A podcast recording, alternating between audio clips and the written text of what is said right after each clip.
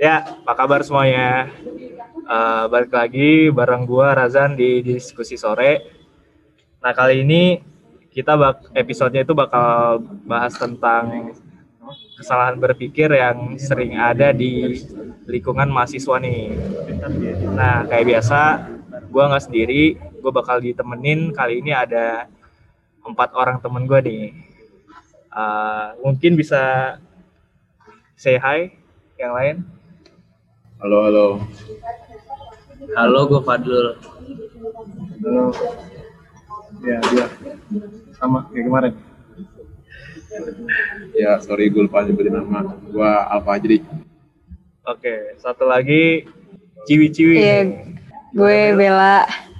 Jadi uh, kita dari angkatan 2017 semua. Uh, sebenarnya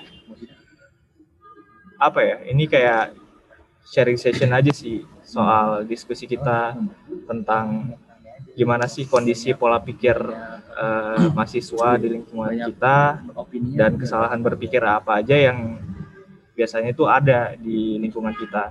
Sebelum kita masuk ke topik, gimana nih kabar lo pada? Ya, apakah di masa pandemi kayak gini lo tetap produktif atau ya rebah-rebahan apa gimana nih? Terima kasih Mas Raja. Alhamdulillah keadaan saya baik-baik saja. Ya selama pandemi ini enaknya karena kuliah online, saya bisa di rumah, hidup bahagia, cuman tugasnya aja agak nyusahin. Ya, jauh ini laporan KP udah selesai. Semoga aja cek. Mantap. Kok jadi pamer gitu? Produktif banget ya. Oh, bikin mental lo ngedown aja. Iya, ini Sombong. Oke, Sumber itu berarti perlu. lanjut nih ke area Rangga itu. Selama liburan gue bikin podcast, bikin podcast, bikin podcast. Podcaster parah ya. Parah cuy. Oke. Ke Mas Fadlul mungkin. ya di rumah aja sih mengerjakan formalitas kehidupan kampus ya seperti ngerjain tugas, Waduh. kuliah dan membantu orang tua sedikit. Berbakti sekali ya. Tanggung jawab, Bantu nyusahin ya. tanggung jawabnya sebagai anak aja Eh, Membantu nenek menyeberang jalan, membuat membuat cookies. main Cookies. tattoo, Minum coklat panas. Oke. Nah sekarang sekarang Rajan gimana? Aduh ya, gue biasa-biasa aja. Rebahan, main TikTok, nonton YouTube, gitu-gitu aja lah. Nah, gue malah kepo kabar dari Bella nih. Soalnya gue lihat-lihat dia kayak aktif banget nih sebagai CFO, Student X CEO East Java. Namanya namanya panjang banget itu ya gelarnya. Parah. Kayak keraton. Gimana nih kabarnya Bel? Baik sih, gue gue setengah-setengah sih. Kalau lagi ambis ya ambis, kalau lagi rebahan doang ya rebahan doang. Tapi ya tetap balance lah ya. Hmm. Oke. Tapi gue ambisnya lebih ke apa ya? Bukan kampus lagi sih, lebih kayak nyari-nyari pengalaman eh buat nyiapin apa sih? Kayak kehidupan pasca kuliah gitu lah. Oh, lebih ke self development ya. Ya, Oke. Nah, eh, BTW ini kita lagi di coworking space di Akses UI, jadi agak ada suara motor-motor gitu. Eh, Oke, straight to the topic. Jadi kita bakal bahas tentang logical fallacy atau kesalahan berpikir. Nah, sebelum kita langsung nih ke topik ya, menurut lo pada logical fallacy itu atau kesalahan berpikir itu apa sih? Mungkin dari Mas Rangga. Apa ya? Kesalahan berpikir mungkin em, logika yang keluar dari orang tapi salah. Gak salah sih. Salah, kan kesalahan. Oke. Maksudnya orang tuh salah menalar gitu. Oke. Udah. Oke. Cuma segitu dong intelektualitas gue. Oke. Kalau dari Bella gimana nih Bel? Hmm, kalau dari yang gue tahu itu eh, logical fallacy itu jadi dia kayak keliruan atau kayak kesalahan gitu. Tapi awal mulanya tuh dari cara berpikir atau dari nalar. Terus itu nanti bakal ngerusak eh, apa ya pokoknya berdampak sama logika dari argumen seseorang gitu. Jadi sebenarnya bukan argumennya yang bermasalah, cuma dari cara dia berpikir atau dari cara dia nalar itu yang salah gitu sih. Kayak kalau dia punya cara berpikir yang salah, otomatis ketika dia mau menilai suatu hal itu bakal keliru juga ya. Dan dampaknya Iya, kayak ke gitu. Tindakan dia yang bakal apa ya? kurang tepat gak sih? Iya, jadi kayak misalnya em, mungkin kayak bukti-bukti yang dia bawa tuh nggak relevan atau kayak nggak nyambung, terus mungkin kayak kurang bukti yang bisa mendukung argumen dia, kayak gitu juga masuknya logical fallacy sih. Eh, sebenarnya kalau gue baca-baca ya kemarin ya, based on my personal research, jadi ada lumayan banyak tuh logical fallacy. Nah, eh, dari lo sendiri apa sih yang lo tahu tentang logical fallacy? Kayak kan banyak tuh. Coba, mungkin lo tahu satu atau tiga logical fallacy. Mungkin dari Dilan nih. Ya jujur gue kurang begitu paham sih maksudnya deskripsi dari kata-kata logical fallacy. Polisi ya? Ya, Iya. berarti lu masih kurang aware gitu ya? Apa lu emang nggak tahu Samsung? Kayaknya sebenarnya kita sering sering ngerasain kayak gitu, cuma kita nggak bisa aja. mendeskripsikan. Nggak sadar atau kita nggak bisa mendeskripsikan? Gua- kalau dari gue sih nggak nggak bisa mendeskripsikan. Maksudnya kayak kita sering nih ngelakuin kesalahan berpikir, tapi kita tuh nggak kalau ditanya em, kesalahan berpikir itu apa tuh masih masih belum bisa ngejabarin gitu. Kalau dari Alfajri gimana nih? Kayak apa sih logika uh, yang lo tahu? Kesalahan berpikir. Oke.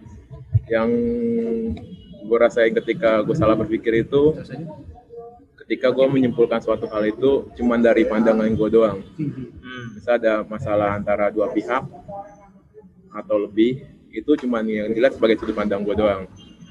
Masalah yang gue gak enak, yang gue rasain, itu yang gue ungkapkan. Tanpa gue mikirin apa hal yang gue rasain ini dirasain juga sama yang lain, atau yang lain tuh lebih ngerasain yang lebih buruk dari gue gitu. Mungkin ketika itu intinya gue menerima sudut pandang yang lebih gitu, gak cuma dari gue doang. Yang yang gue pikirin saat ini cuma itu sih. Oh ya. Jadi sesempit kayak ya udah lu ketika lu debat sama orang lu cuma mikir ya gue yang benar kayak gitu. Nah, Dan orang harus ngikutin kondisi ideal menurut gue gitu ya. Menarik. itu yang gue menarik. rasa. Lanjut ke Bella. Menurut lu gimana nih Bel? Menurut gue menarik banget sih kayak eh, pandangan si Alfajri sama area soal logical fallacy. Kalau menurut lu sendiri gimana Bel? Kalau menurut gue sih dari bentuknya tuh sebenarnya banyak banget tipenya. Terus juga eh, sumber-sumber salah cara menalar itu juga beda-beda setiap tipe. Tapi mungkin emang benar sih, mungkin banyak orang yang masih belum sadar gitu kalau misalnya mereka tuh selama ini eh, mungkin selama diskusi atau selama debat gitu sama orang berargu- berargumen tuh mereka ternyata eh, masih pakai logical fallacy kayak gitu. kayak eh, ini membentuk budaya atau kebiasaan yang salah nggak sih jika ini dilakukan oleh banyak orang? Menurut gue iya, soalnya eh, kalau itu udah kelama-lamaan dilakuin, terus misalnya semakin banyak orang yang ngelakuin, terus nanti jadi habit, terus nanti lama-lama bisa jadi budaya, dan itu sebenarnya kalau udah jadi budaya itu susah sih ngilanginnya gitu.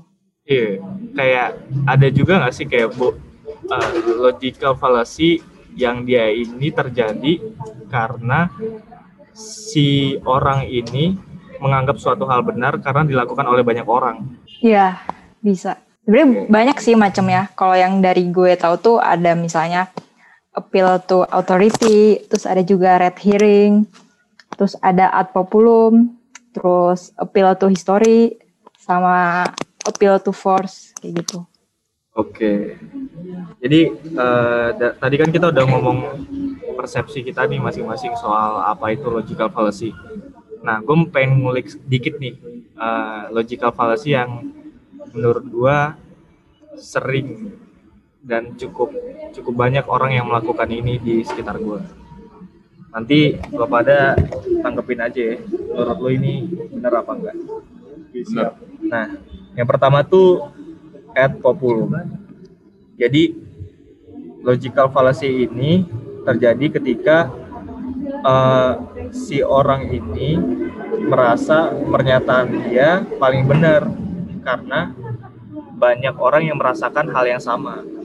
Misalnya, ketika lo upacara, terus guru lo bilang gini, kok kamu nggak pakai topi sih? Nah, terus lo ngeles dengan jawaban kayak gini, ya elah, emang kenapa sih? Kan banyak banyak juga yang nggak pakai topi. Jadi lo kayak karena semua orang lakuin ini berarti hal ini benar gitu. Nah, pendapat lu pada gimana? ya gue sih kayak, kayak gue sering dah kayak gitu dah Di lingkungan lo apa di himpunan apa gimana? ya di lingkungan pernah di lingkungan juga pernah Oke. Tapi ya itu tadi gue bilang gue gue baru tahu nih kalau misalnya di sini tuh ada kayak istilah nama kerennya gitu Hmm, oke, jenis-jenisnya gitu ya. iya Hmm. Eh, kalau lu gimana, Bek? Ini sama aja kayak lu nggak sholat terus bilang orang banyak orang yang nggak sholat juga kan? Ah, make sense. Analogi apa? Hmm. Ya berarti itu salah. Ya, ketika lo udah kayak pakai topi tadi, lo udah milih untuk masuk sekolah itu, ya lo harus patuh sama sistem yang ada di situ harusnya. Hmm. Ya sampai lo sholat, ketika lo udah milih agama itu, ya lo ikut sama aturan agama itu. Gampangnya begitu kalau menurut gua. Kalau lu gimana, Bel?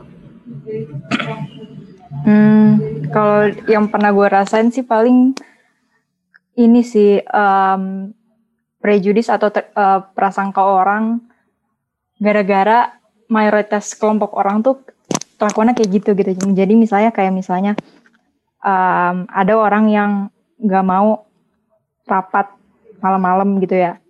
Terus em, ada orang yang nyebut kalau misalnya nggak mau rapat malam tuh cuma orang yang lemah gitu dan itu cuma gara-gara orang lain tuh pada bisa rapat malam menurut gue itu eh lu nggak nggak nggak bisa nyebut orang itu lemah cuma gara-gara dia nggak mau rapat malam dan orang-orang tuh rapat malam kayak gitu kayak gitu sih paling Hmm, setuju banget, setuju banget.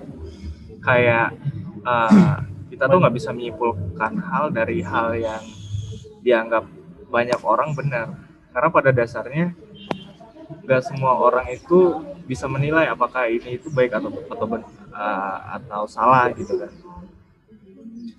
Dan menurut gua ada lagi nih logika yang menurut gua eh, sering dimiliki banyak orang. Jadi kayak kalau nilai lu jelek berarti lu goblok. Jadi ketika lo dapet nilai misalnya IP lo lulus eh, jangan lulus deh IP lo semester 1 2 2 koma orang tuh mostly bakal ngejudge ih dia kok eh, nggak peduli ya sama ini dia dia kok eh, gak niat ya atau dia kok goblok banget ya. Padahal sebenarnya kan lo harus tahu alasan dibalik kenapa dia dapat nilai kayak gitu. Apakah dia emang ada masalah keluarga ataukah dia emang eksplornya lebih ke kegiatan non akademik jadi kayak lo nggak bisa ngejudge dari hal yang dianggap benar oleh banyak orang sih. Menurut gue ini make sense banget. Nggak bisa Tapi- menggendala menggendala pada meng- ini tuh sering nggak sih kita singkatnya lingkungan organisasi dan lingkungan akademik deh.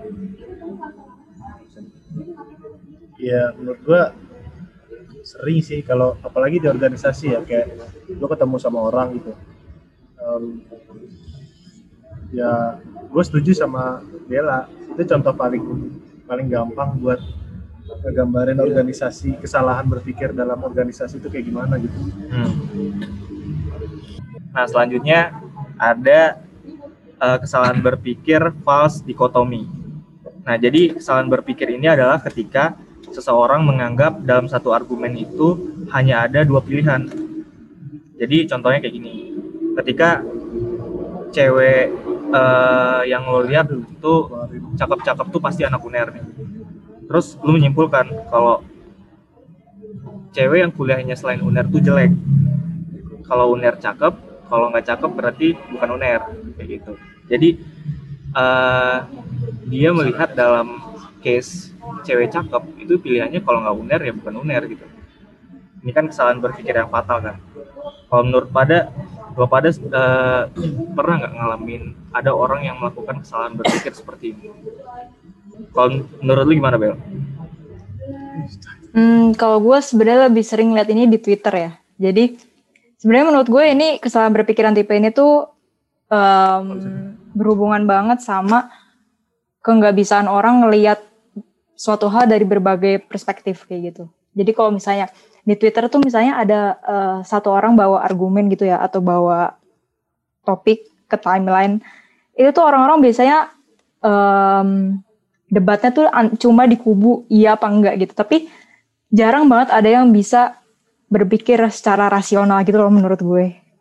Kayak mereka tuh pasti cuma ngikutin, oh ini benar atau ini salah gitu. Tapi mereka tuh biasanya nggak bisa coba nge-breakdown em, permasalahan tuh apa. Terus em, ya menurut gue mereka kurang bisa apa ya, kurang bisa berpikir secara rasional aja sih. Soalnya em, mereka seringnya tuh orang Twitter ya cuma ngelihat eh, suatu masalah tuh jawabannya benar apa salah kayak gitu. Itu budaya buat di Indonesia nggak sih Bel? Iya. nah, Orang di Indonesia kan lebih mikir kayak hidup, eh salah, em, baik dan benar. Padahal tuh sebenarnya Surga neraka. Nah, iya, Iya. surga neraka baik dan benar. Padahal tuh hidup tuh bukan hitam dan putih gitu, ada abu-abu juga gitu di tengahnya. nah Merah, iya. ah. kuning, yo sebenarnya kalau dari gua ya kesalahan berpikirnya itu dari yang di Twitter itu menurut gua mereka tuh menggiring opini gak sih Iya. Hmm, Ah, apa yang mau dia arahin tuh harus ikuti dengan alurnya mereka yang nyiptain ya sih Iya. kayak si si penggiring opini ini ngasih pilihan dua doang. iya Kalau nggak dia salah, Ah. ini salah gitu iya kan. kalau misalnya dia salah dia pasti seenggaknya kayak menjelek-jelekan menurut Hmm. sih kayak gitu Dan orang-orang nurut gitu aja. ya. Ah iya enggak sebenarnya mereka tuh nurut karena kalau nggak dia nggak tahu karena dia ikut ikutan kalau Hmm. ikut tangkap Hmm. Lu gimana Bek? Ada pandangan nggak soal pas dikotomi? Wah, nggak paham sih yang lu ngomongin soal putar Twitter tadi. Nah, cuman kalau yang kayak gini, ini budaya lama yang buat anak-anak SD nggak sih? Biasanya tuh yang anak-anak jago MTK tuh dibilang pinter. Ah iya iya. Gampangnya gitu sih yang gua bayangin. Hmm. Kalau nggak jago MTK berarti kuring. Goblok. Iya. Kayak gitu. Itu mah Iya, iya. pandangan orang tua terhadap anak, maksudnya pandangan orang lama gitu. Iya, pandangan orang lama yang kayak gitu. Iya, berarti emang dari uh, mindset mindset nih intinya Nah, dari orang tua sih rata-rata ke bawah Kayak gini nggak sih ketika kalau di di lingkungan yang agak religius kan awam ya ketika ada orang minum alkohol atau merokok pasti tuh dicapnya dua pilihan kalau Hmm. nggak minum alkohol atau nggak ngerokok berarti lu anak baik-baik kalau lu ngerokok atau minum alkohol lu pasti bad boy gitu iya. Dia Itu dua-dua pandang si pelakunya. padahal belum tentu nih kalau anak yang nggak ngerokok dan nggak minum alkohol dia bener-bener baik kan belum tentu dan belum tentu juga yang ngerokok dan minum alkohol jahat gitu kan nah kalau menurut gua ini tuh berbahaya banget ketika lu mau ngasih pandangan. Jadi kalau orang yang menanggapi pandangan punya mindset kayak gini ini tuh jadi debat atau diskusinya itu nggak objektif. Ibaratnya gini deh orang mau ngasih solusi. Kalau orang yang menanggapi solusi ini cuma punya dua pilihan kan jadi nggak objektif dong. Dia mikir kalau lu nggak ngikutin eh, saran dari gua berarti ya kayak gini solusinya. Kalau nggak A ya B. Padahal sebenarnya kan ada solusi C D E kayak gitu kan. Itu dari gua sih. Ada lagi nggak nih sebelum lanjut? Gue gue pengen nanya nih sama nah, lu. gimana? Lu di era di era internet, di era sosmed itu masalah-masalah kayak gini tuh penting atau nggak penting atau susah dihindari. Nah, kalau udah kayak gini bahasanya gue paling paling menunggu tanggapan dari Bella nih. Menurut lu gimana Bel? Menurut gue penting. Soalnya kan gue juga main Twitter terus ya. Terus gue tuh biasanya suka follow akun-akun yang kayak misalnya Manfest atau akun-akun gede yang suka ngelempar opini kayak gitu kan. Itu tuh sering banget di comment sectionnya atau di reply-nya itu tuh sering banget nggak nyambung gitu, nggak nyambung sama topik awal yang diomongin. Terus kadang-kadang juga jadi menggiring opini baru. Jadi menurut gue itu penting banget sih, apalagi buat ditaruh di sosmed yang semua orang bisa baca gitu. Eh Bel, uh, Hmm. gue pengen dah, kenapa lu tetap nge-follow account Twitter yang ngasih opini-opini? Padahal kan opini itu kan liar gitu. Soalnya nggak semua opini dia jelek. Kadang tuh ada yang bagus juga, terus kadang gue nge-follow gara-gara jokesnya juga bagus. Jadi ya gue follow. Cuma kalau misalnya menurut gue opini dia tuh misleading atau misalnya gue nggak setuju, ya nggak apa-apa. Cuma gue, eh, gue tetap nge-follow kayak gitu sih. Sebenarnya yang paling penting itu filter dari orangnya itu sendiri ya. diri sendiri. Ya. Soalnya kalau ngandelin dari sumbernya ya nggak bakal bisa. Kan yang bisa ngendalin diri kita cuma kita. Ya. Nah, iya. Gue juga setuju banget sih. Kayak eh, kesalahan berpikir ini kan lahir karena lo tuh gak punya filter gitu. Dalam artian ketika lo mau menanggapi suatu hal atau menilai suatu hal, ketika lo punya kesalahan berpikir, lo bakal menilai sesuatu itu dengan keliru. Dan menurut gue ini salah satu penyebab banyaknya hoax di Indonesia sih. Jadi kayak banyak orang yang eh, menganggap berita dari sini pasti benar, berita dari sini pasti salah. Terus si in- influencer ini ngomong ini dan diterima banyak orang dan itu diiyakan. Menurut gua eh, hoax dan segala masalah tentang eh, kehidupan sosial yang berdampak pada kita itu pada dasarnya lahir dari kesalahan berpikir ini sih. Gitu sih. Tapi kalau menurut gua nggak nggak melulu salah masyarakat. Soalnya misalnya kita jadi masyarakat nih tentang demo 9 eh eh, demo apa tuh? Yang kemarin Eh, ini omnibus law. omnibus Ya. kan pemerintah sampai bilang kalau pemerintah bilang hoax ya hoax. Ah, Masalahnya masalahnya tuh masyarakat nggak tahu mana yang benar mana yang salah. Iya. Mereka pemerintah nganggap hoax itu ya yang beda sama pemerintah gitu. Iya, iya. Kalau yang menurut versi pemerintah gini ya benar. Ah, ya masyarakat harus ikutin jadi kayak masyarakat tuh kalau dibilang filter juga nggak bisa filter juga nggak salah juga. Soalnya dia nggak tahu mana yang benar mana yang salah. Hmm. Jadi kesalahan pemerintah ketika mereka itu nggak menyadarkan masyarakat tentang an- eh, tentang pen- pentingnya filter ini ya. Bukan lebih ke ini. Pemerintah nggak bisa ngasih mana yang mana yang apa nggak ngasih yang benar tapi dia ngasih versi mereka tapi Iya. Eh, kalau gue nanggepinnya sih pemerintah itu malah menggiring rakyat supaya punya kesalahan berpikir. Paham nggak lo? mungkin ya kan kalau pemerintah bilang kalau pemerintah bilang hoax ya hoax gitu padahal uh, kita bisa tahu dari mana nih kalau pemerintah ini benar-benar memberikan informasi yang aktual gitu nah di mana pemerintah ini lo tahu sendiri kan ini permainan politik lah. Kayak udah pasti nggak objektif kan? Kayak gitu sih. Dan yang gue tahu nih Eh, kalau eh gitu. London apa eh, gue. Hmm, kalau menurut gue sebenarnya bukan pemerintah doang sih. Eh, jadi gue pernah baca buku gitu. ada kelas ya? Em, dia ngebahas tentang kerasionalan berpikir sama gimana judgement itu bisa muncul di pikiran seseorang. Itu sebenarnya bukan pemerintah doang. Jadi sebenarnya ini kalau dijabarin agak panjang sih soalnya. Kalau yang gue baca dari buku itu sebenarnya dari dulu zaman perkembangan sains tuh kayak orang ketemu rumus terus tiba-tiba nanti em, dibantah sama rumus baru yang lebih terbukti itu tuh juga sebenarnya em, bergantung sama rasional otak dari pemikirnya itu sih gitu. Jadi sebenarnya kalau yang gue baca dari buku itu ya, sebenarnya awalnya itu sains itu nggak ada yang mutlak benar atau mutlak salah gitu. Karena penemu rumus juga itu tuh um, awalnya kan dia nggak punya patokan ya. Jadi dia cuma bergantung sama mereka tuh yakin apa enggak sama rumusnya kayak gitu. Kalau misalnya mereka yakin walaupun sebenarnya salah mereka bakal tetap melanjutin kalau misalnya um, rumus ini tuh benar kayak gitu. Sampai ada yang membantah. Jadi uh, menurut gue bukan cuma pemerintah doang tapi emang menurut gue kehidupan itu kayak nggak nggak ada yang benar-benar hitam atau putih gitu sih. Berarti cuma agama yang benar gitu lah ya.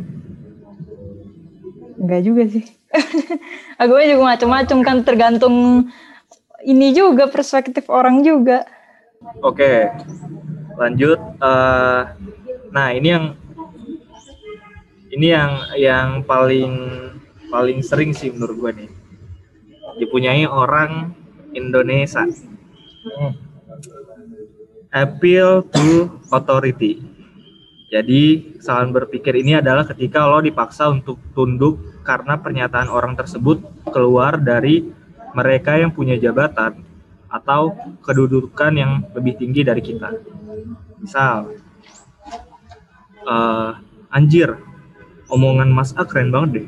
Bener-bener masuk anjir menurut gue Padahal sebenarnya kalau lu lihat uh, lebih dalam pernyataan dia itu ya biasa aja dan mungkin gak relevan untuk orang lain gitu. Atau gini, ketika lu melihat ada sesuatu yang salah di kerjaan yang dikerjakan oleh atasanmu, terus lo mengkoreksi nih, ngomong langsung ke atasan, Pak ini ada yang salah. Nah atasannya malah ngomong kayak gini, kamu siapa? Bilang saya salah? saya sudah lama kerja di perusahaan ini. Saya atasan kamu. Kamu yang karyawan baru nggak tahu apa-apa diem aja deh. Jadi kurang lebih kayak gitu tuh gambarannya. Menurut lu pada gimana nih? Tentang appeal to authority ini. Ibaratnya ini senioritas lah sama kayak kemarin. Eh sama kayak kemarin. Sama kayak tadi dong. Apa? Yang tentang pemerintah masyarakat gitu. Bisa. Bisa. Kita sebenarnya sering ngerasain kayak gini tapi aduh nggak tahu nggak tahu nama trennya aja gitu. Kalau menurut lu gimana Pak? Um, menurut gue sebenarnya appeal to authority itu nggak selalu harus di organisasi atau di perusahaan. Misalnya kayak contoh kecilnya aja gitu ya di di keluarga tuh menurut gue pasti anak tuh sering banget misalnya um, orang tua gitu ya punya statement misalnya udah kerja di BUMN aja, BUMN tuh kerjanya paling enak gitu. Terus misalnya lu ngebantah statement itu karena lu punya bukti yang misalnya, oh enggak, ternyata di industri ini lebih bagus kalau sekarang. Terus orang tua lu balik ngomong, ehm, udah mama kan udah hidup lebih lama dari kamu, jadi mama lebih tahu gitu. Nah menurut gue itu sebenarnya nggak nyambung karena um, topik yang dibahas juga nggak relevan karena menurut gue dia menyebutkan dari um, past experience yang di mana zaman nyokap lu jadi job seeker itu itu kan tahun 90-an gitu ya, bukan tahun 2020. Kayak industri udah banyak berubah, terus intinya juga um, nggak semua perkataan atau statement orang yang posisinya lebih tinggi dari lu itu selalu benar gitu. Jadi menurut gue itu penting banget um, mau lo jadi seorang anak, mau lo jadi uh, karyawan atau mau jadi uh, mahasiswa gitu itu menurut gue itu penting banget sih buat bisa milah-milah perkataan atau action dari orang yang lebih tua dari orang yang um, punya posisi lebih tinggi dari lo gitu karena menurut gue sebenarnya ngingetin mereka kalau mereka itu salah itu sebenarnya harusnya normal gitu jadi bukan malah dibilang kamu nih ngeyel sama atasan atau sama orang yang lebih tua gitu jadi kalau misalnya emang salah dan ada buktinya harusan ya ngaku aja gitu. ini ini menarik sih gue. Uh, kalau pandangan gue nih, ini tuh buntutnya soal uh, open mind. Jadi menurut gue kedua belah pihak tuh harus open mind. Pertama dari sisi uh, dia yang posisinya lebih rendah, contoh karyawan atau mahasiswa lah. Nah dia yang posisinya rendah ini si mahasiswa ini harus open mind bahwa omongan mereka yang lebih senior atau mereka yang jabatannya lebih tinggi itu bisa aja salah dan kalaupun mereka memberikan instruksi ke lo ya lo nggak bisa terima itu bulat-bulat gitu. Karena pada dasarnya omongan mereka juga ada pengaruh dari dalam. Dalam artian mereka nggak menyebutkan 100% fakta. Minimal mungkin aja mereka menyebutkan ada pengaruh 20% opini di situ. Jadi lo nggak bisa ya ibaratnya kayak bebek aja gitu. Kayak kamu kayak gini ikut. Kamu kayak gini ikut. terus ketika lo mau memberikan pandangan soal bagaimana organisasi lo misalnya lo SPI mas menurut saya SPI bisa dibawa ke arah sini gini gini, gini. terus uh, atasannya bilang tapi dari dulu kita udah kayak gini ini adalah uh, culture organisasi kita ini kayak gini kayak gini segala macam. Nah itu tuh menurut gua ya kesalahan dari seniornya. Karena pada dasarnya lo harus terbuka. Ketika ada budaya yang gak relevan lo nggak bisa rely on it forever gitu. Lo harus beradaptasi atau lo bakal mati gitu. Itu itu pandangan gue sih. Kalau menurut lo gimana tuh kalau oke. Okay. Dilan gimana nih? Dan ikutin. Kalau menurut gua di organisasi misalnya gue ngambil gue ngambil contoh di himpunan gitu ya. Kayak gini tuh udah sering banget gitu. Sering banget kejadian.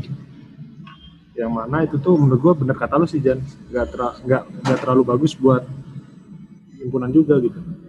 Soalnya kalau mikirnya tetap kita budayanya ke belakang gini gini gini kita tuh nggak bakal maju ke mana-mana gitu kayak ya udah di situ-situ aja. Make sense. Kayak contoh bagaimana lo menerapkan ilmu ke staff gitu udah amat organisasinya mau lo SPI, SRE, uh, ISEC atau apa pun. Lo nggak bisa terus-terusan menerapkan metode yang sama gitu kayak ya udah dari dulu kita uh, staffnya disuruh bikin proker supaya dia tahu pengalaman. Lo nggak bisa menyamaratakan itu untuk semua orang gitu. Belum tentu si staff ini bisa beradaptasi dengan itu. Belum tentu si staff ini cocok dengan metode itu. Karena pada dasarnya sekuat apa pun lo mendorong orang tetap aja itu pengaruh lebih besar dari dalam diri mereka sendiri. Itu pandangan gue sih Eh gue mau nambahin boleh nggak? Ya gimana Bel? Eh, sebenarnya kalau yang apa tadi yang organisasi budaya di organisasi itu sebenarnya agak nyinggung um, yang tipe appeal to history sih. Jadi dia ngerasa nggak bisa lepas sama suatu sistem atau budaya karena menurut mereka itu tuh udah terus menerus dilaksanakan kayak dari generasi ke generasi gitu. Dan ini sebenarnya hmm, banyak juga gitu kalau misalnya contoh kecilnya uh, mungkin gue kalau mau nyebutin orang ribut di dunia K-pop gitu ya yeah. itu uh, suka banyak yang bilang kayak ah acara award sekarang nggak ngelihat prestasi artis cuma menang gara-gara mass voting sama views di YouTube terus uh, misalnya mereka bilang kita dulu juga YouTube nggak nonton terus-terusan kok cuma download aja kalau mau nonton gitu nah menurut gue itu tuh ketika lo ngungkit-ngungkit um, sistem atau sebuah cara lo melakukan sesuatu tapi di masa lalu itu menurut gue itu uh, ciri-ciri lo belum bisa move on gitu sih. Soalnya pasti jelas lah um, beda sistem dulu sama sekarang. Kalau misalnya di K-pop ini kayak jelas beda gitu uh, penilaian award sekarang terus metrik kesuksesan industri musik juga kan beda nih. Soalnya sekarang udah zamannya digital marketing semua terus kayak digital musik tuh sistemnya uh, dari yang beli per album atau per lagu itu udah berubah jadi sistem subscription kayak kayak Spotify. Terus uh, misalnya kayak sekarang tuh views YouTube juga penting banget buat ngukur ini tuh lagu sukses apa enggak gitu. Jadi um, sistemnya sistem pem pemasaran sendiri juga udah nggak sama kayak dulu. Jadi um, buat apa gitu lo harus mengaplikasikan sistem yang udah lama tuh di zaman sekarang gitu. Jadi nggak relevan lagi gitu. Banget sih.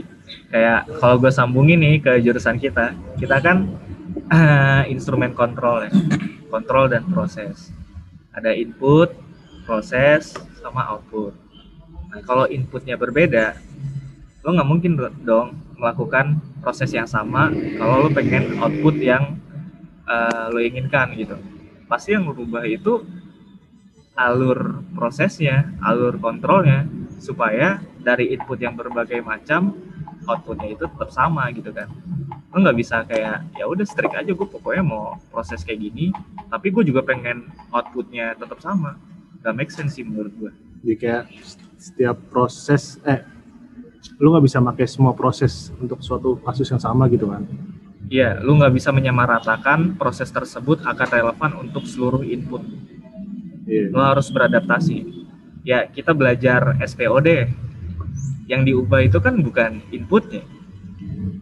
Lu buat mencapai goal output A yang lu ubah itu bukan inputnya karena itu bukan suatu variabel yang bisa lu manipulasi. Tapi yang lu manipulasi adalah sistemnya prosesnya. Menurut gua kayak gitu sih. Kalau kalau di dunia kerja itu masih relevan nggak sih kayak gini? Maksud gua senioritas, em, kekeluargaan, kayak gitu-gitu tuh masih ada sih? Apa pure lu kerja dapat duit selesai gitu? Menurut gue tergantung perusahaan sih. Kalau perusahaannya misalnya punya sistem HR yang bagus, menurut gue eh, nggak bakal banyak hal-hal senioritas kayak gitu-gitu. Cuma kalau misalnya sistem HR perusahaan lu mungkin kurang bagus atau kurang ke kontrol, menurut gue bisa aja masih ada hal-hal kayak gitu.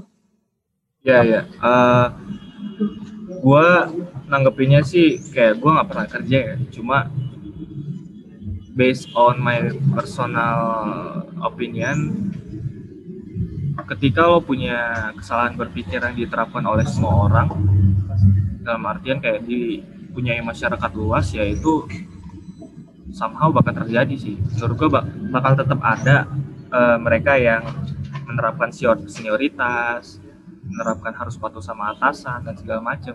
Tapi gak sedikit juga ada perusahaan yang dia itu udah profesional banget dalam artian mereka objektif melihat performance dan eh, kapabilitas dari orangnya lagi. Itu lebih ke perusahaan swasta gak sih? Kayak Eh, perusahaan yang orientasinya untung gitu. Kalau gua ngelihatnya dari orang luar sih ya. BUMN ya gue sebutin BUMN aja lah. Dari direksinya sendiri setahu gue nih ya setahu gue tuh ada pengaruh politik di situ. Gitu. jadi nggak melulu objektif kalau BUMN meanwhile kalau perusahaan swasta seperti Sabersi Total pandangan gue sebagai eh, orang yang nggak berpengalaman langsung ya mereka lebih objektif sih dibandingin BUMN. Mungkin Bella lebih tahu nih. Hmm, kayaknya mungkin menurut gue juga mungkin kebanyakan perusahaan swasta sih. Cuma cuma kayaknya masih ada beberapa satu dua perusahaan BUMN yang masih objektif. Cuma tetap mayoritasnya menurut gue dipengaruhi sama politik sih. Gitu. Nah, ini nih burden of proof. Oke. Jadi, burden of proof itu adalah kesalahan berpikir ketika dia ini menuntut lawan bicaranya buat ngasih tahu pembuktian atas statement yang dia tanya sendiri gitu. Jadi contohnya gini. Lo baru banget lo kelar ujian. Terus ada teman lo yang nanya gini. Eh tadi lu nyontek ya? Ngaku lu. Terus lu kaget kan? Lu nanya gini. Hah? Kagak anjir. Mana mana buktinya coba gue nyontek. Gitu kan. Terus eh, si lawan bicara ini malah nanya kayak gini. Ya lu coba buktiin. Kalau nggak nyontek, kalau punya buktinya kan berarti lu beneran nggak nyontek. Ya, jadi kalau menurut gue kayak gini nih. Ketika lo ngasih pendapat atau eh, opini soal bagaimana sesuatu akan bekerja. Eh, menurut saya ini kayak gini kayak gini, lebih kayak gini kayak gini. Terus ada yang bilang kayak gini, apa buktinya eh, kamu ini dapat dapat eh, melakukan ini dengan baik atau apa buktinya kalau saran kamu ini akan membantu perusahaan atau membantu organisasi. I mean kayak ini kan ide gitu. Dan buat mendapatkan suatu pembuktian lu ya lu butuh metode gitu. Kayak buat mengubah suatu budaya lu harus take a risk lah. Itu itu pendapat gue sih. Menurut gimana lah? itu jatuhnya sama kayak sama kayak sama kayak di organisasi kita sih Hmm, gimana tuh? Eh, oh iya Eh, kayak lu mau lu mau ngadain sesuatu terus masih ada aja yang nanya kayak ini emang kamu bikin ini dasarannya apa atau Hmm, hmm. ini buat apa terus yang kayak gitu gitulah orang orang sok kritis tapi jatuhnya kayak cuma nanya nggak ada solusi gitu Iya. Gua- gua- Mengkritik gua- tanpa memberikan solusi. nah, Menurut lu gimana, Bel? Gue paling kepikiran sama sih kayak Dilan tadi yang em, dia bikin statement sendiri terus suruh ngebuktiin sendiri kayak ya kalau misalnya lu masih nanya kita gitu ya buktinya apa, kenapa nggak lu aja gitu sambil lu ba- bawa statement lu yang ngasih bukti, jangan nanya kita kan lu yang ngasih kayak gitu sih. Iya. Nah kalau gue ngambil hal kayak gini itu nyambung-nyambung sama false dikotomi. Kayak cuma ada dua opsi gitu. Kayak misalnya buat melakukan suatu perubahan ada yang memberikan ide gitu kan. Nah mereka yang bertahan dengan budaya lama bakal mikir apakah ada jaminan nih ketika kita pakai metode lu akan lebih baik nih organisasi atau perusahaan. Jadi mereka nanya pembuktian gitu. Padahal sebenarnya ide itu kan adalah ibaratnya proses proses yang lu rancang lagi gitu. Karena inputnya udah berbeda. Sementara mereka tuh kayak cuma mikir kalau Output, bukan melakukan dengan metode yang sekarang itu ya kalau lakuin metode lain lu harus udah bukti dong. Gimana caranya gue membuktikan itu kalau gue nggak bisa ngejalanin itu kan? Aneh sih menurut gue. jadi kayak apa ya jatuhnya kita nggak ke mana-mana sih atau Hmm. atau gue mikirnya gini eh, orang yang ngomongin ini tuh maksudnya gimana terus yang kayak tadi lah jatuhnya ngekritik tapi nggak jelas itu itu menurut gue orang yang nggak mau ngambil resiko akan perubahan anjir kalau gue nih ya, uh, honestly gue mikir kayak gini, nggak tahu sih ini benar apa enggak, tapi ini pendapat gue. Mostly orang itu pasti opini dia berhubungan dengan eksistensi dia.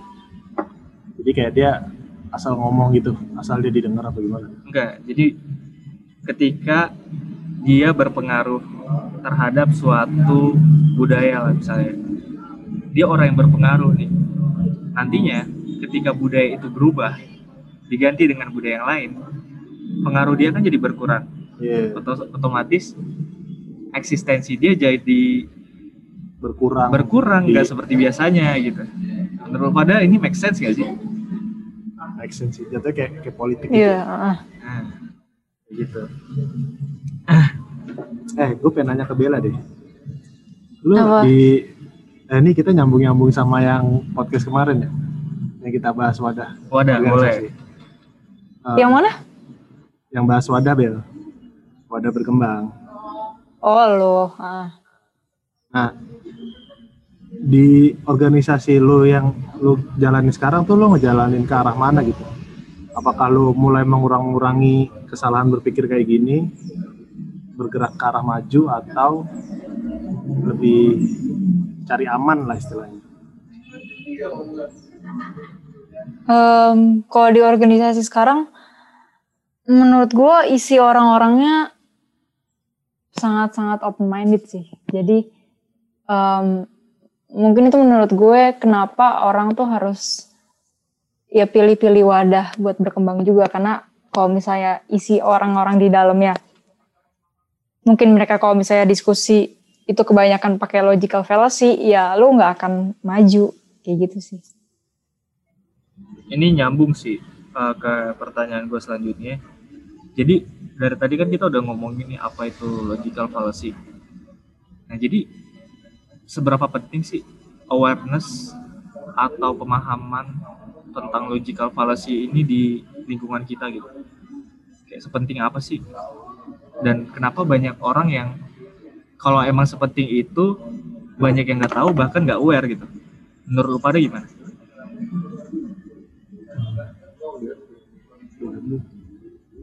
Coba Bel, gimana Bel? Menurut lu Bel? gue.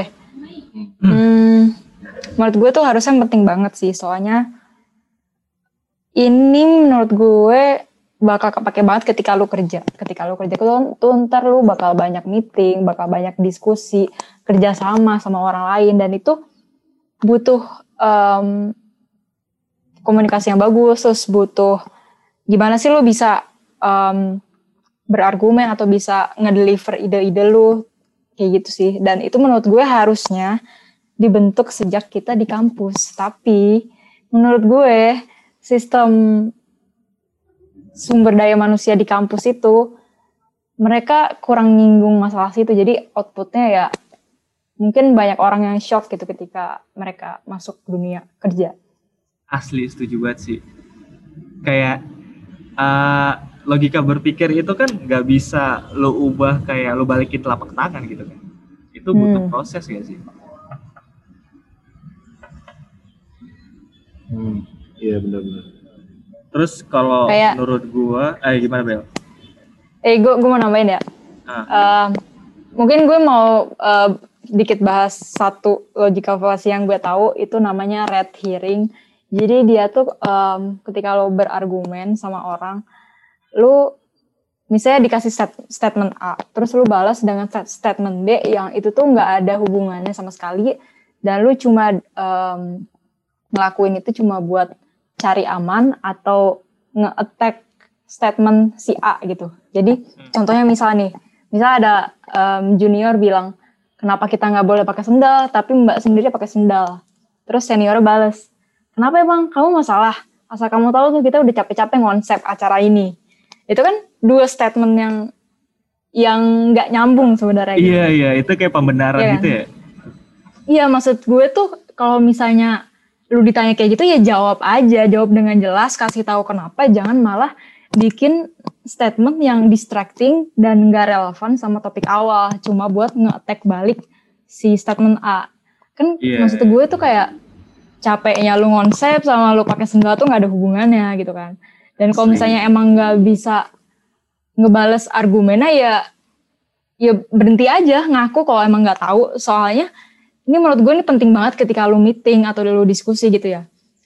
Em, jadi topiknya itu bisa tetap on track, bisa eh, nggak melenceng ke mana-mana. Jadi ini menurut gue bisa dimulai dari kayak percakapan simpel sehari-hari karena dampaknya tuh kalau misalnya udah jadi kultur atau budaya gitu tuh bisa jadi toxic soalnya otak lu lama-lama bisa tumpul kalau kerjaannya cuma ngasih distraction buat nyari-nyari kesalahan yang tanpa ngasih argumen balasan yang relevan ujung-ujungnya kalau misalnya lu rapat gitu ya contohnya eh, ntar lu udah berjam-jam rapat ujung-ujungnya nggak ada output padahal lu udah berjam-jam rapat tapi kenapa bisa nggak ada output kayak gitu kayak gak usah jauh-jauh deh eh, ngomongin soal dampak ke orang lain. Kalau menurut gue ya, dari dalam diri lo sendiri aja bakal rugi ketika lo punya kesalahan berpikir gitu. Kayak sesimpel nih ketika lo jadi orang tua, lo punya kesalahan berpikir appeal to authority. Lo kayak bakal mendikte kamu nanti kuliah di sini, jurusan ini, kerjanya di sini, dan lu menanamkan kesalahan berpikir itu ke anak lu kan itu kayak hal yang salah banget kan dan Mm-mm. menurut gua ya sama kayak yang dibilang Bella sih kayak lu bakal rugi sendiri nanti ketika lu bekerja lu masih punya pola pikir yang salah eh, goal lu nggak bakal dapet. Orang bakal sebel sama lu karena lu terus-terusan keras kepala dengan kesalahan berpikir lo. Itu sih. Dilan gimana nih? Kayaknya dia mikir banget nih. Hmm, kalau gue nanggepin yang kata-kata Bella, menurut gue kesalahan berpikirnya dia itu kalau kasus yang tadi ya itu lebih lebih ngerugiin ngerugiin dia sendiri gitu. Sama kayak lu bilang juga aja. Maksud gue orang juga nggak bak orang juga nggak nggak jadi jadi nggak respect sama dia. Dan itu pasti orang mikirnya kayak anjir nih orang orang ini kok mikirnya gini apa gua apa gua kalau misalnya ikut ikut ikutin dia itu gue bakal mikir sama kayak dia gitu. Hmm. jadi kayak apa ya karena kesalahan berpikir kita jadi kita tuh dianggap apa ya dianggap dianggap apa ya, em, salah gitu di di lingkungan gitu Hmm.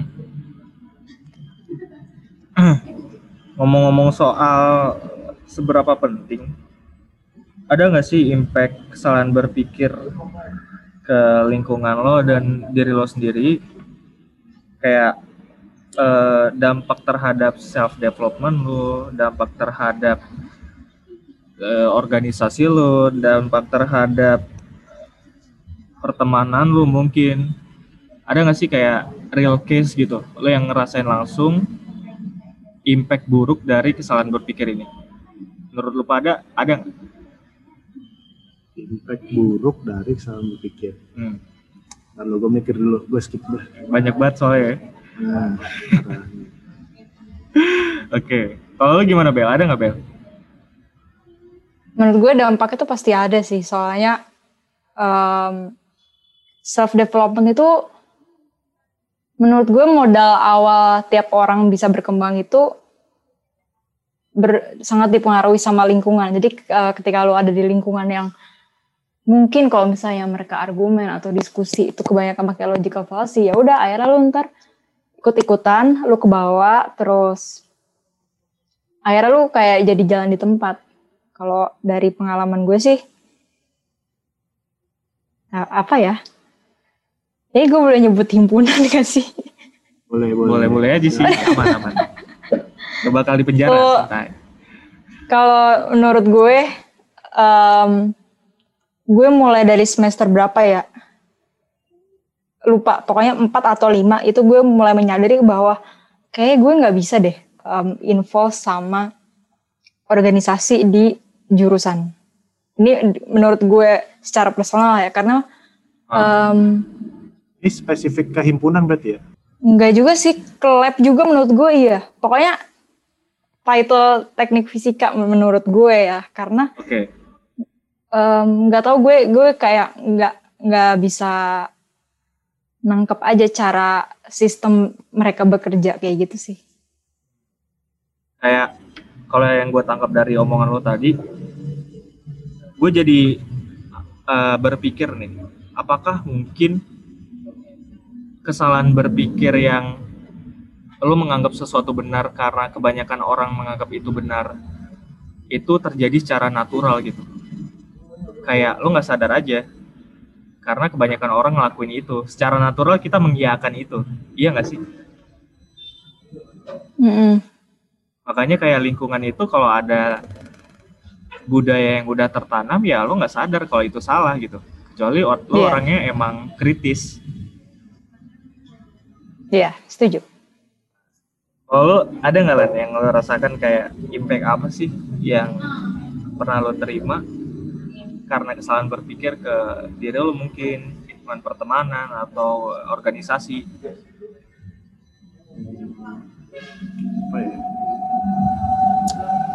Gue ngelihatnya dari organisasi ya. Gue gue mulai sadar kalau banyak orang tuh yang sebenarnya berpikiran sama kayak kita gitu. Kita udah mulai nggak udah apa ya? Um, apa ya, kalau kita bahas himpunan tuh kayak himpunan tuh asal ada gitu.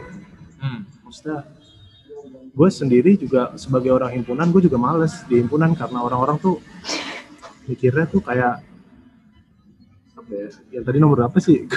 Gue lupa dah. Kayak gitu dah. Pokoknya yang tentang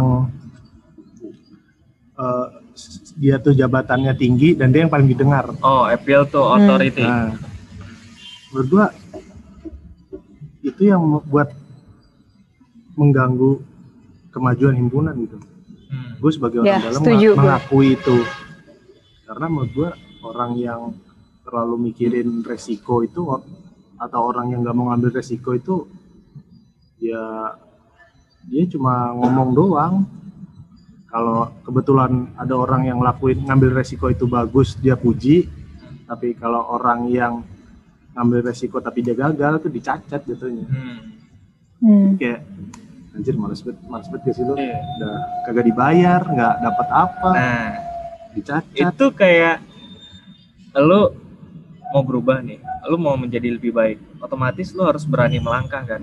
Hmm. Ketika lo berani melangkah, nanti lu lihat nih hasilnya ap- apakah gagal, apakah sukses. Kalau sukses ya bagus gitu kan. Hmm. Kalau gagal ya itu juga bisa jadi pelajaran. Oh ternyata pakai cara kayak gini nggak bisa nih buat lebih baik kan kayak gitu kan. Dan menurut gua kalau soal itu itu lebih kayak apa ya? eh itu tuh dampak dampak dampak dari senioritas yang berlebihan. Kenapa? Iya. Karena lo boleh respect sama orang gitu, lo boleh uh, menghormati, menghargai orang, tapi bukan berarti semua omongan orang yang lo hormatin itu benar. Iya, gue Bisa sepakat. jadi Hmm. salah, bisa jadi benar. Terlepas dia uh, se, seberpengaruh apa pun, lo nggak bisa benar-benar terle- telan omongan dia gitu. Kayak ya lu respect boleh, cuma jangan kayak bebek, jangan mengiyakan apa pun yang dia katakan gitu. Kalau gue gitu sih. Eh, terlalu respect dan over pride. Hmm. Gitu. Mm-mm. Jadi ya ini sebenarnya bahasan yang penting tapi nggak populer gitu kan. Iya. Kebanyakan orang yang merasa apaan sih anjir kesalahan berpikir mereka nggak sadar aja gitu. Kalau dampaknya itu sefatal itu ke lingkungan lo, ke diri lo, ke organisasi lo gitu kan. Berarti sama kayak gue yang bilang tadi dong.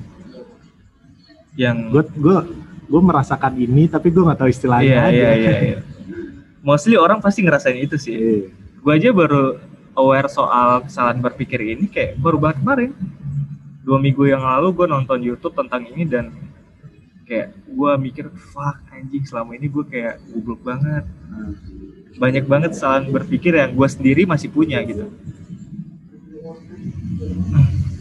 Eh, gue gue pengen nanya Bella dong. gimana Bel? Apa? tadi lu belum melanjutin kenapa lu nggak nggak sejalan sama organisasi sama organisasi di TF. Gue gue pengen tahu aja Oh. sebenarnya. Kalau pertama sebenarnya menurut gue itu sih dari senioritas.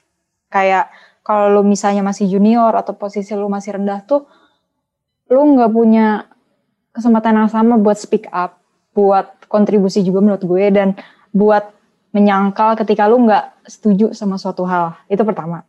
Terus yang kedua, gue agak kurang serk aja sama sistem sama sistemnya sih. Eh, misalnya nih ya, misalnya kalau di lab tuh suka dibilang aslab yang nggak jarang ke lab tuh apatis gitu. Padahal di lab sendiri juga nggak ada agenda apa-apa. Jadi ya dari dari apa ya? Dari sistem kayak gitu buat gue pribadi nggak masuk sih gitu. Apa ya mbak? Nggak menurut gue itu em, buat diri gue agak susah buat bikin berkembang. Di personal lah ya ini. Mm-mm. tapi itu make sense tau Iya. gue juga ngerasain kalau ya kayak yang gue bilang tadi lo nggak bisa menerapkan cara yang sama untuk semua orang gitu dan lo nggak bisa ngejudge kalau dia nggak di lab bukan berarti dia nggak peduli sama lab dia jarang nongkrong di kanjo bukan berarti dia Nah itu. kayak nggak peduli sama himpunan dia kabinet atau staf BPH lah BPH himpunan yang jarang ke himpunan bukan berarti dia nggak nggak peduli sama himpunan gitu kan Mm-mm. Mbak, pola pikir kayak gitu tuh yang harus diperbaikin lagi gitu. Pola pikir itu yang bikin kita males sih, sih, apaan sih gitu. Iya iya. Ya. For some people ya. Hmm. Tapi ada juga yang merasa itu oke-oke aja lah. nah, buat penutup nih kita udah udah udah ngobrol panjang. Lo berdua ada closing statement gak nih soal kesalahan berpikir atau soal pengaruhnya? Mungkin dari Bella nih. Gua gua gua agak lemot. Gua agak lemot kalau mikir sorry banget.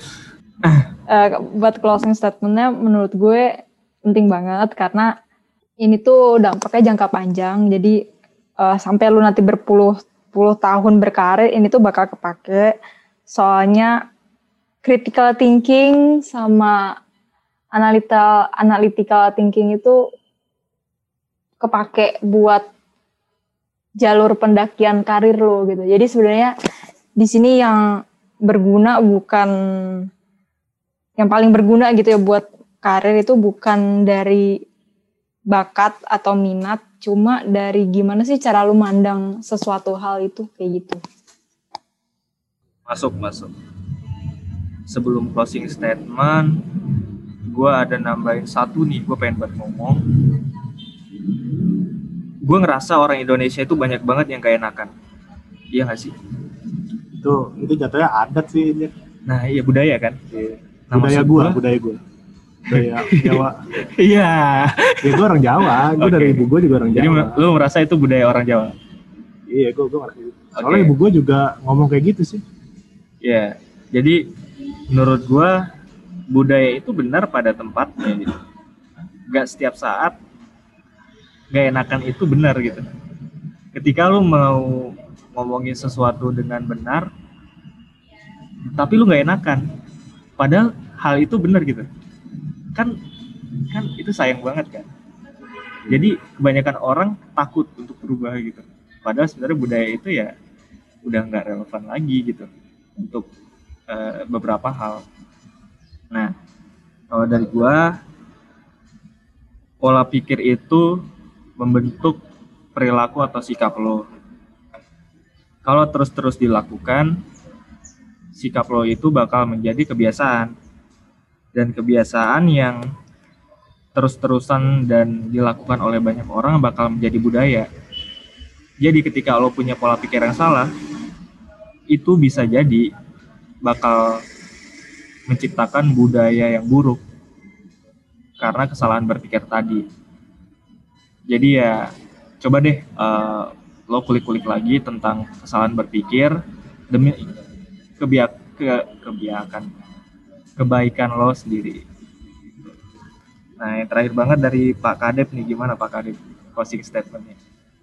Ya, kalau menurut gua setiap orang pasti melakukan kesalahan berpikir, Hmm, tapi ya se- seiring ilmu kita nambah, seiring umur kita nambah, paling nggak kita udah tahu dan kita bisa meminimalisirnya dengan cara kita ngobrol sama orang, dialog. Kadang tuh orang ribut itu karena kurang dialog aja. hmm. Sama nggak open mind ya? Nah, kayak kita mikir, oh dia jahat loh. Nah, apa dasarnya kita mikir dia jahat? Iya, kita iya. kan cuma belum kenal sama dia aja. Ah. Menurut juga itu sih. Oke. Ya thank you banget nih Arya sama Bella udah diskusi bareng nih di, di diskusi sore. Jadi diskusi sore ini kita diskusi tentang topik apa aja yang hopefully nanti bakal bermanfaat untuk lingkungan mahasiswa teknik fisika. Jadi kalau lo pada yang dengerin ada saran topik, nggak usah sungkan dengerin. Eh, eh kok dengerin, nggak usah sungkan buat nyaranin. Ini kadepnya open banget kok. Hmm. ya kurang lebih eh, kayak gitu dari gua Arya dan Bella. Kurang lebihnya mohon maaf. Sampai jumpa di episode selanjutnya. Thank you